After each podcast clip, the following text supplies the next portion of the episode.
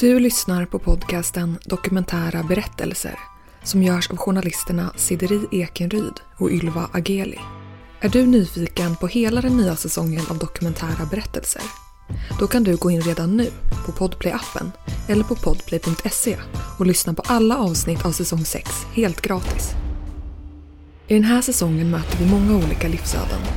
Du kommer bland annat få höra om hur det är att leva som asexuell, att ha arbetat som prostituerad, att vara uppvuxen i Livets Ord eller i den iranska oppositionsgruppen Folkets Mujaheddin. Vi undrar också vad som händer efter döden. Så gå in på Podplay och lyssna på hela säsongen redan idag, helt gratis.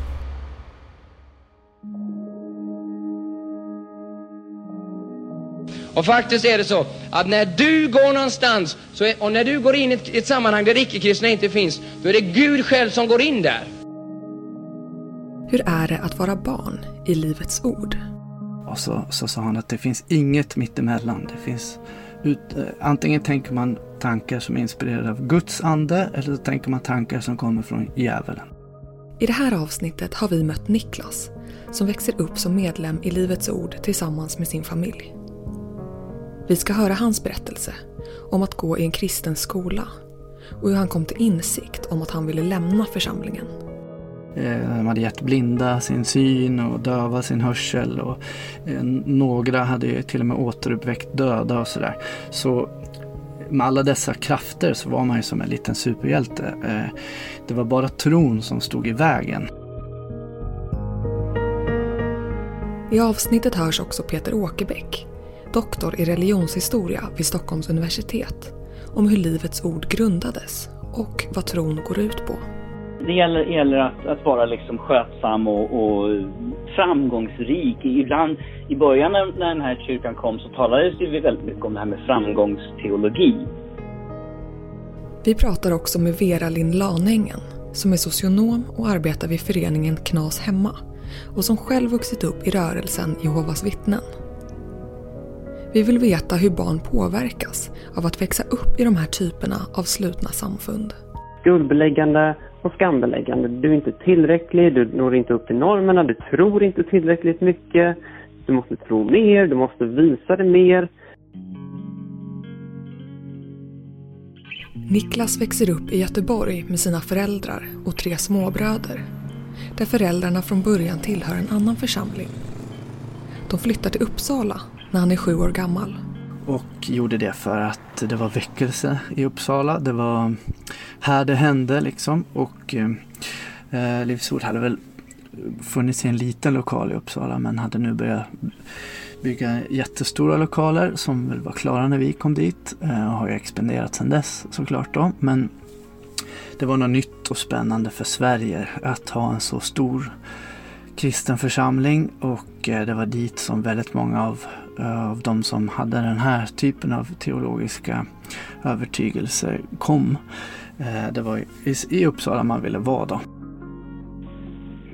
Ja, men det, Ord är intressanta ur, ur det här bemärkelsen att här kommer ju, det här är ju så Så hur grundades Livets Ord? Vi hör Peter Åkerbäck. skapat i Sverige, men det var ju en pastor som åkte till USA, Ulf Ekman, och hittade liksom tillbaka, eller hittade den, kan man säga, pingströrelse eller, eh, som hade utvecklats i USA. Och det tog han, han blev inspirerad av det och tog det tillbaka till Sverige. Till en början så var ju det en rörelse som var ganska, mm, den var ganska uttalad extatisk, man skulle tala i tungor, man blev besatt av demoner, det hände allt möjligt, det var väldigt dramatiska scener. Och när det här kom till Sverige så uppfattades de jätteannorlunda. Vi har ju haft pingströrelsen i Sverige i många, många år. Eh, så, så, så att det var inte det som var ovanligt utan det var att vi fick en helt ny form av det. Och det är det här som vi brukar kalla för den karismatiska eh, kristenheten eller trosrörelsen. Det här tron alena, hjärtats omvändelse. Du ska liksom komma till egna insikter om att, att du, Gud är med dig och, och, och så vidare.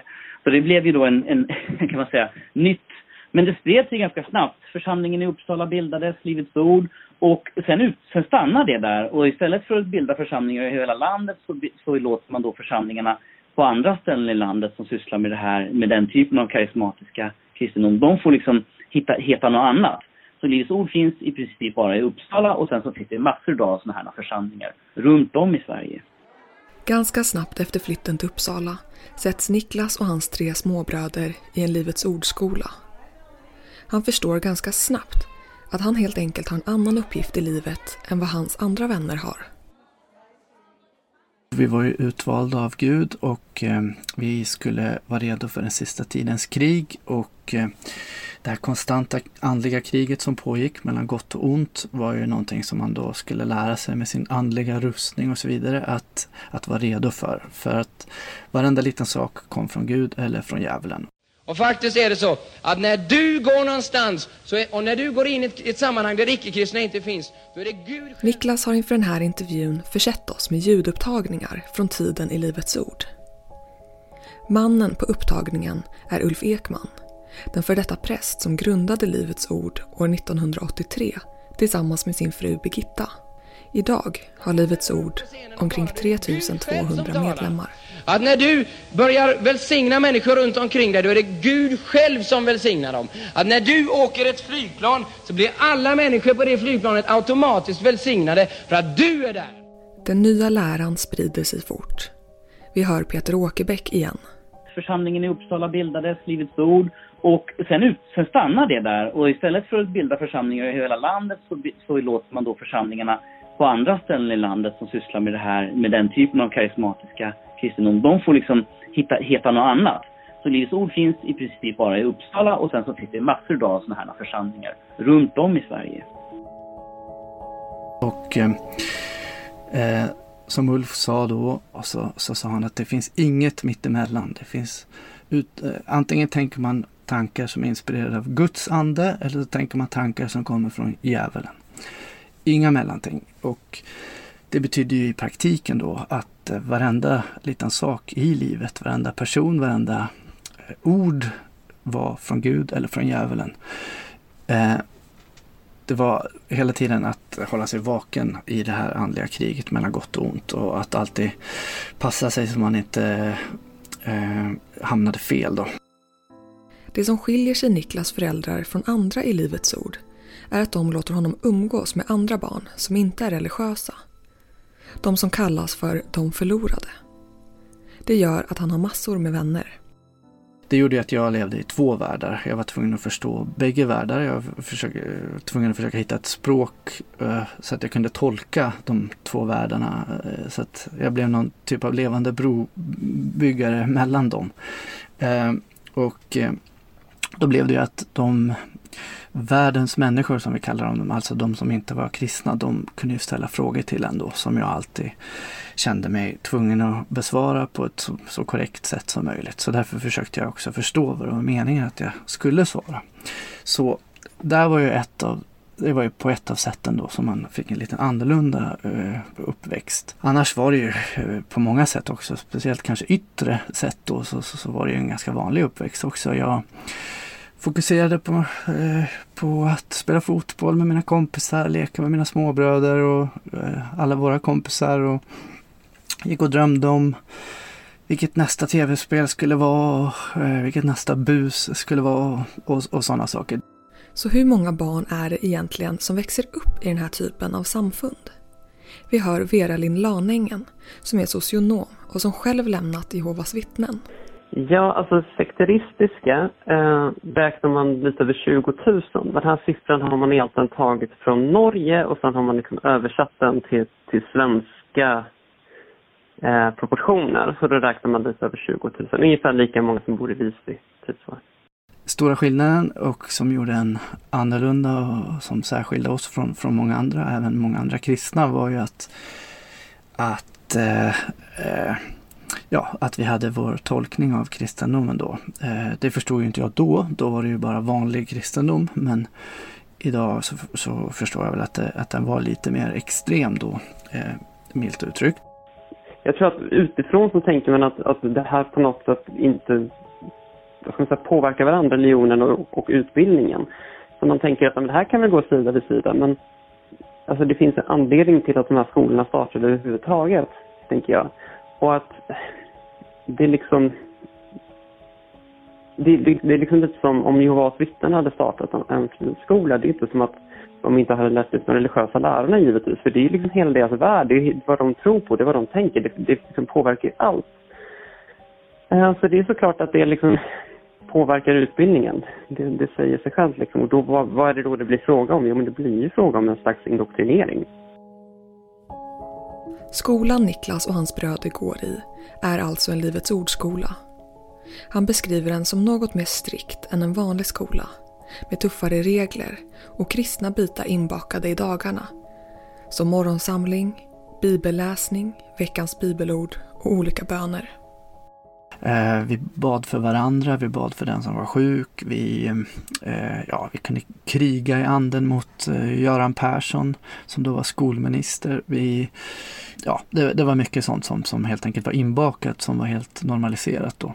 Och sen så utöver det så när jag kom och var där i 80-90-talet så, så var det mycket eh, chapel och det var liksom möten, eh, ungdomsmöten, barnmöten, sådana saker. Och senare, vilket hade börjat komma då eh, när jag var där men som blev mer senare var ju också att de eh, startade väldigt mycket olika typer av andra evenemang och aktiviteter och, och så. Så eh, barnen som, som, som går där nu och så, de kan ju spela i deras fotbollslag och innebandylag och, och de har ett eget gym, de har en egen arena, de har eh, den värld som, som från början var hyfsat liten när jag kom dit har ju på 30, över 30 år, snart 40 år, har ju, har ju vuxit. Vad är det då mer konkret man tror på? Peter Åkerbäck, doktor i religionshistoria igen om man säger i Svenska kyrkan så har du tron alena. Det är, det är liksom inte jätteviktigt det här med att du får den här omvändelsen. Men här är det oerhört viktigt med, med hjärtats omvändelse. Du ska så att säga känna in, du ska, du ska kunna ta emot den här andens, Guds ande i dig och känna den här äh, förändringen, att, du har, att någonting händer i ditt liv så att du, du, du, liksom, du ska få hjärtats omvändelse. Det pratar man väldigt ofta om. Det är jätteviktigt. Och det är ju ingenting som man, man hör ofta i, i andra kristna sammanhang. På min tid där före internet så handlade det ju väldigt mycket om evangelisation och mission både lokalt och ute i världen. Vi hade väl kanske framförallt eh, mycket att göra med Sovjet, Ryssland. Där många av våra missionärer då eh, var och spred biblar och berättade om Guds ord för att eh, sprida Guds ord då, att berätta om Jesus. Det var ju vår eh, uppgift så, så det skulle nå ut till alla människor i världen och eh, då, först då kunde Jesus komma tillbaka och vi komma till himlen. Eh, man bedriver en viss mission i andra länder, framförallt i eh, forna öststaterna. Där startar man lite skolverksamhet och bibelskolor och, och daghem och lite andra saker.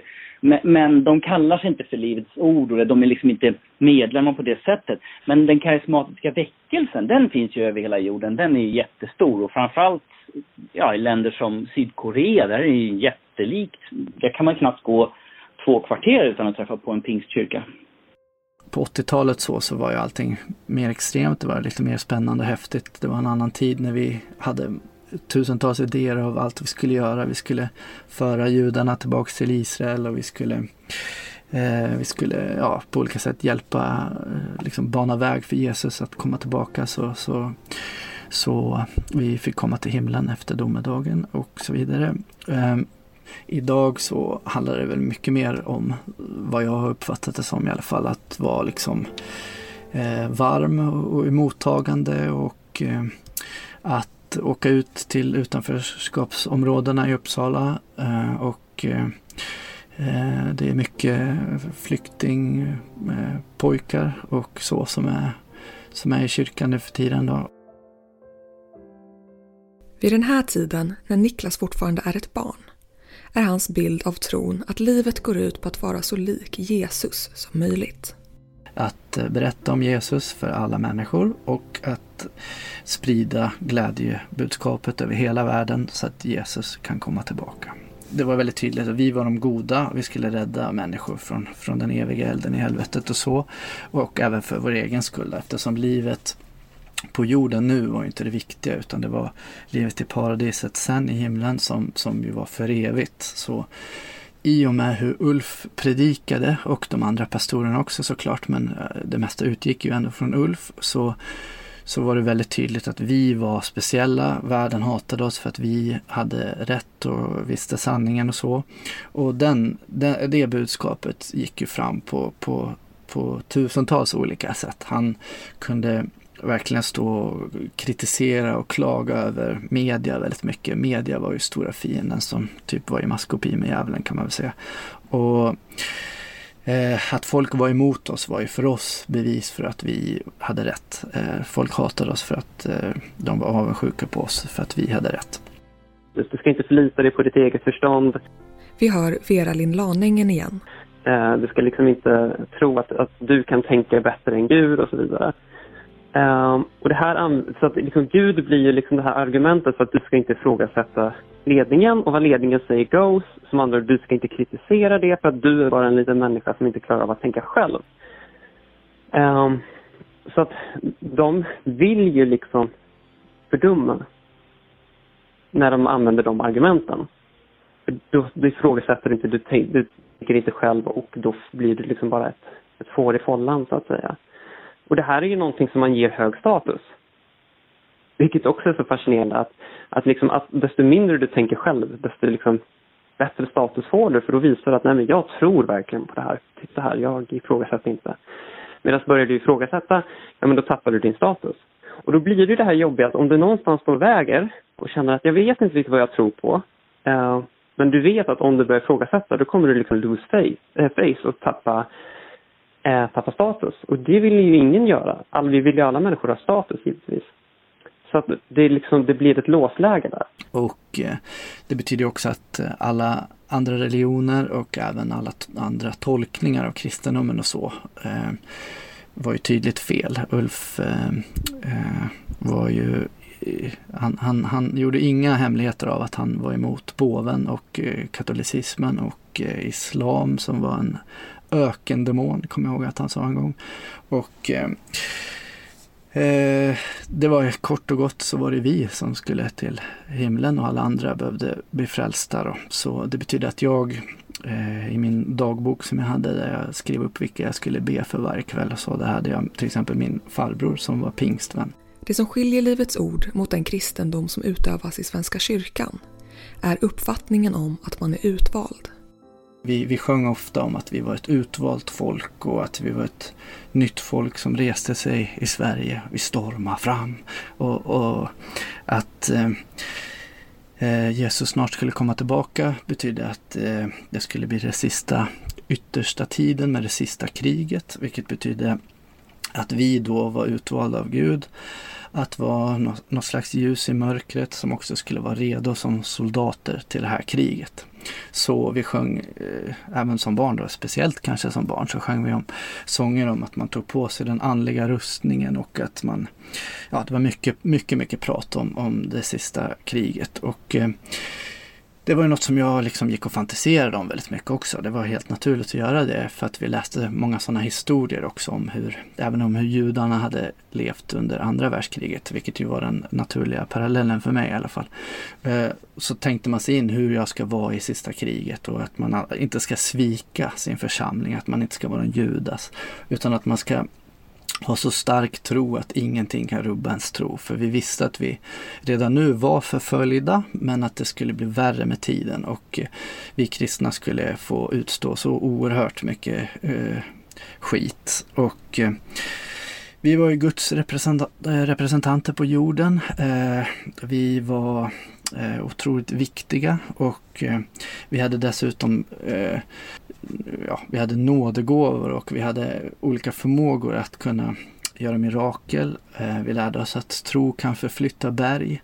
Eh, vilket ju i praktiken betyder att allting var egentligen möjligt att göra. Vi eh, hörde pastorerna på, på mötena, Ulf Ekman och också många från USA och så som kom dit som, som gäster på, på stora seminarier och sådär som pratade om hur ja, de, de hade Eh, helat cancersjuka döende, de hade eh, förlängt armar som, som, eller vad heter det, det hade vuxit ut armar liksom där, där det inte hade funnits armar och eh, de hade gett blinda sin syn och döva sin hörsel och eh, några hade till och med återuppväckt döda och sådär.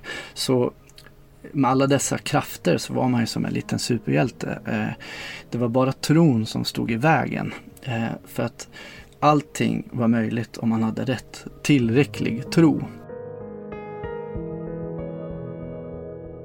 Det är standardsvaren liksom. Vad, vad, vad som än händer. Du, som, som med media återigen. Antingen så är det eh, en, en kamp mot, för, mot Satan eller så har Gud äntligen välsignat arbetet och ljuset har skint igenom. Och det gäller ju liksom allt allt, allt. Um, motgångar i livet, personliga motgångar, eh, samhälleliga motgångar, vindar i världen, vad den är, så är det alltid de två. Det är de två svaren, standardsvaren. Alltid. Och det där påverkade allting på olika sätt. Alltså alla tolkar det olika och jag, jag tolkar det såklart annorlunda eftersom jag var eh, sju år när jag kom dit.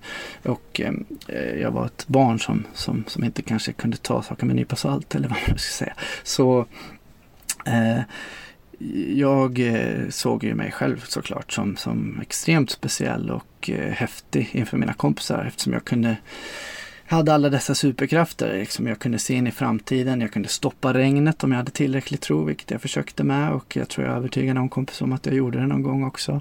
Och eh, ja, så jag profeterade mina kompisar, jag kunde höra Guds röst. Ehm, eh, jag visste som sagt att, att allt var möjligt om jag bara hade tillräcklig tro.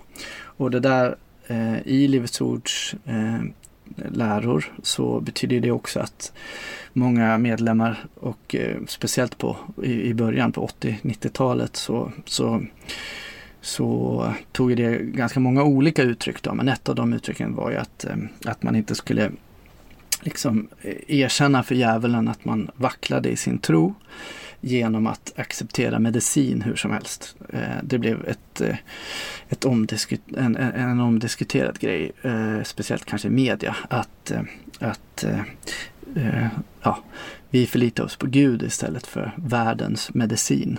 Eftersom trodde vi att vi skulle bli friska, trodde vi att vår vän eller vår, vår familjemedlem eller så skulle bli frisk så, så räckte det. Och om man då accepterade att ta läkares medicin så var det ungefär som att säga att, att djävulen håller på att vinna den här matchen, inte Gud. Ja men alltså det är ju en naturlig del av, eh, liksom, av den här psykologin som finns i de här kontexterna. Vi hör Vera Lind Laningen igen. Skuldbeläggande och skambeläggande. Du är inte tillräcklig, du når inte upp till normerna, du tror inte tillräckligt mycket. Du måste tro mer, du måste visa det mer. Um, alltså det är ju det är liksom givet i sådana där kontexter. Det, det är ju självklarhet om man är lite insatt i hur det fungerar. Uh, du kan inte ha det ena utan det andra. En annan stor del av tron handlar om att det är viktigt att judarna församlas tillbaka in i Israel. Peter Åkerbäck, doktor i religionshistoria igen. För att Jesus ska komma tillbaka så att den tanken på att, de, alla kristna vill ju att Jesus ska komma tillbaka, det är ju själva eh, någon slags målet att Jesus kommer tillbaka och så händer ett paradis och allt det här. Och de tänker sig den här sionistiska idén att när judarna är församlade så kommer Jesus tillbaka. Så att de har alltså bidragit genom åren till att hjälpa judar att flytta från olika länder tillbaka till Israel. Och de har bidragit med pengar till att bygga bostäder i Israel då. Så att den här det här ska gå i uppfyllelse. Man vill hjälpa Gud på traven. Med sin uppväxt, tro och skolgång känner Niklas starkt att han har ett stort ansvar att frälsa de vänner han har som inte är troende. Annars finns ju risken att de ska komma till helvetet. Eftersom Jesus kunde komma tillbaka vilken dag som helst, vilken sekund som helst, vilken minut som helst så, så var ju varenda vän som jag hade i, i stor fara och eh, det var upp till mig då att rädda de förlorade som vi kallar dem. Och eh, Skulle man råka dö eller skulle Jesus komma tillbaka? Eh, jag brukade tänka att det var större chans att Jesus kom tillbaka eh, innan jag, någon av oss dog. Men skulle något av det hända så betyder det att om deras eh, om, om de inte var skrivna i Livets bok, alltså att eh, de var på väg till himlen, så var de helt enkelt på väg till helvetet. Eh, då hade jag en, en, eh, jag hade kommit på ett trick att eh, ja, göra mig liksom beredd att om jag trodde att jag var på väg att dö, om jag liksom satt i en bil och fattade på sista två sekunderna att nu kommer jag dö i en olycka här, så hade jag ett, en, ett snabbt slags förlåt redo till Gud. Så jag visste att hur syndig jag än hade varit så skulle Gud förlåta mig så jag kom till himlen. Det där försökte jag väl lära mina kompisar också. Och, eh, vi var ett gäng. Eh, jag bodde i en förort till Uppsala med många eh, ur blandad härkomst så att säga. Så jag bad ju några muslimer till, till frälsning och eh, eh ja, det, det såklart blev mycket drama, drama där. Och eh, eh det var många som, som var lite av föräldrarna som kanske var lite försiktigt inställda till mig då, för att nästan alla visste ju vad Livets Ord var och hade en ganska bestämd bild av att det var läskigt och farligt. Och eh, det förstod jag också. Ja, det där är liksom, det är ju helt vanlig, vad ska man säga, sexproblematik. Vi hör Vera Lind Lanängen igen. Socionom som arbetar vid föreningen Knas Hemma och som själv vuxit upp i rörelsen Jehovas vittnen. Alltså det där var ju någonting jag själv också upplevde. Jag kommer ihåg att jag till och med hade det samtalet med en av mina bästa vänner som inte var ett eh, Jehovas vittne. och jag minns att vi liksom pratade om det, att det blev så konstigt. För på ett sätt så liksom var han ju min bästa vän. Å andra sidan så, så visste jag att liksom, ja, jag får inte umgås egentligen. Döden kommer för den här människan liksom. Och det blev så bisarrt hela den här situationen. För, men det är ju så. Det är liksom allt, allt som är utanför är fiender. Det är liksom, demoner finns där, de luras, eller Satan och hej och hå. Ehm, vilket såklart än mer förstärker den här bubblan av att hej, det är inte bara liksom att vi är bättre utan det är också att de är farliga. Eh, så det blir liksom det här, det förstärker verkligen det här vi och dem in, in och utgrupper och så vidare ja, man försökte väl helt enkelt, alltså jag, så, så blir det nog med väldigt många barn att man, man levde man i de här två världarna, alltså inne och ute, bland världens folk och bland våra syskon, så lärde man sig att, ha ett språk inne och ett språk ute. Att, eh, eh, ja, att ljuga var ju liksom inte fel om det var för, för den goda sakens skull så att säga. Och eh, jag lärde mig vad jag borde säga och inte säga. Man kunde liksom inte säga till en okristen att, att eh, ja, att Jesus kommer tillbaks snart och vi ska till helvetet. Ni, du ska till helvetet. Det är kanske lite klumpigt att säga till en vuxen. Men till barnen så, så försökte jag ju förklara det. Så till mina vänner så, så fanns det eh, Ja, där var jag alltid orolig. Och eh, det var ju helt klart en sak som skilde mig från många andra barn då. När Niklas är 13 år gammal börjar han långsamt må dåligt. Men det var ju ingen riktigt eh, rationell process på det sättet att jag satt hemma och liksom vägde två argument om, om, om skapelsen mot varandra, eh, liksom, hur det hade gått till. Utan det var ju mer känslomässigt att, eh, att eh, så som jag ser det idag i alla fall, att jag sakta åts upp inombords av det här med att inte få tycka om vad jag egentligen kanske tyckte om. Att, att liksom hela tiden behöva tänka på det här med rätt och fel och att, att varje tanke som jag tänkte men som jag visste att jag inte fick tänka, den skulle jag inte tänka längre. Uh, och uh, den här stora pressen som, som alltid fanns av att leva rätt och göra rätt och, och allt sånt där. På en himla massa sätt så, så, så åt det där uppen och eh, jag kände redan att jag var eh, död inombords på många sätt. I nästa avsnitt. Ja, men det handlar om att nå framgång, att, vara, liksom, att kunna liksom bli en bra människa och sådär. Det är som att träna stenhårt i en viss sport för att man har blivit lovad att vara med i OS om 15 år och man tränar stenhårt varje dag och sen så säger de vi bara skojar, det finns inget OS. Det finns faktiskt inte ens någon sån här sport. Så då står man där med 15 år och har tränat men vad är det man vad ska man använda det här höjdhoppet till om höjdhopp inte ens finns? Hur ska det gå för Niklas? Beslutar han sig för att lämna Livets Ord bakom sig och hur går han tillväga? Vi undrar också hur personer mår som har vuxit upp i slutna rörelser som barn. Jag, jag menar ju verkligen att de är i riskgrupp. För att det här är ju, det här är ju liksom hederskulturer till att börja med. Missa inte att nästa del av Niklas berättelse finns tillgänglig redan nu på podplay.se eller i Podplay-appen, helt gratis. Och vill du komma i kontakt med oss som gör den här podden? Mejla till kunskapsstudion gmail.com.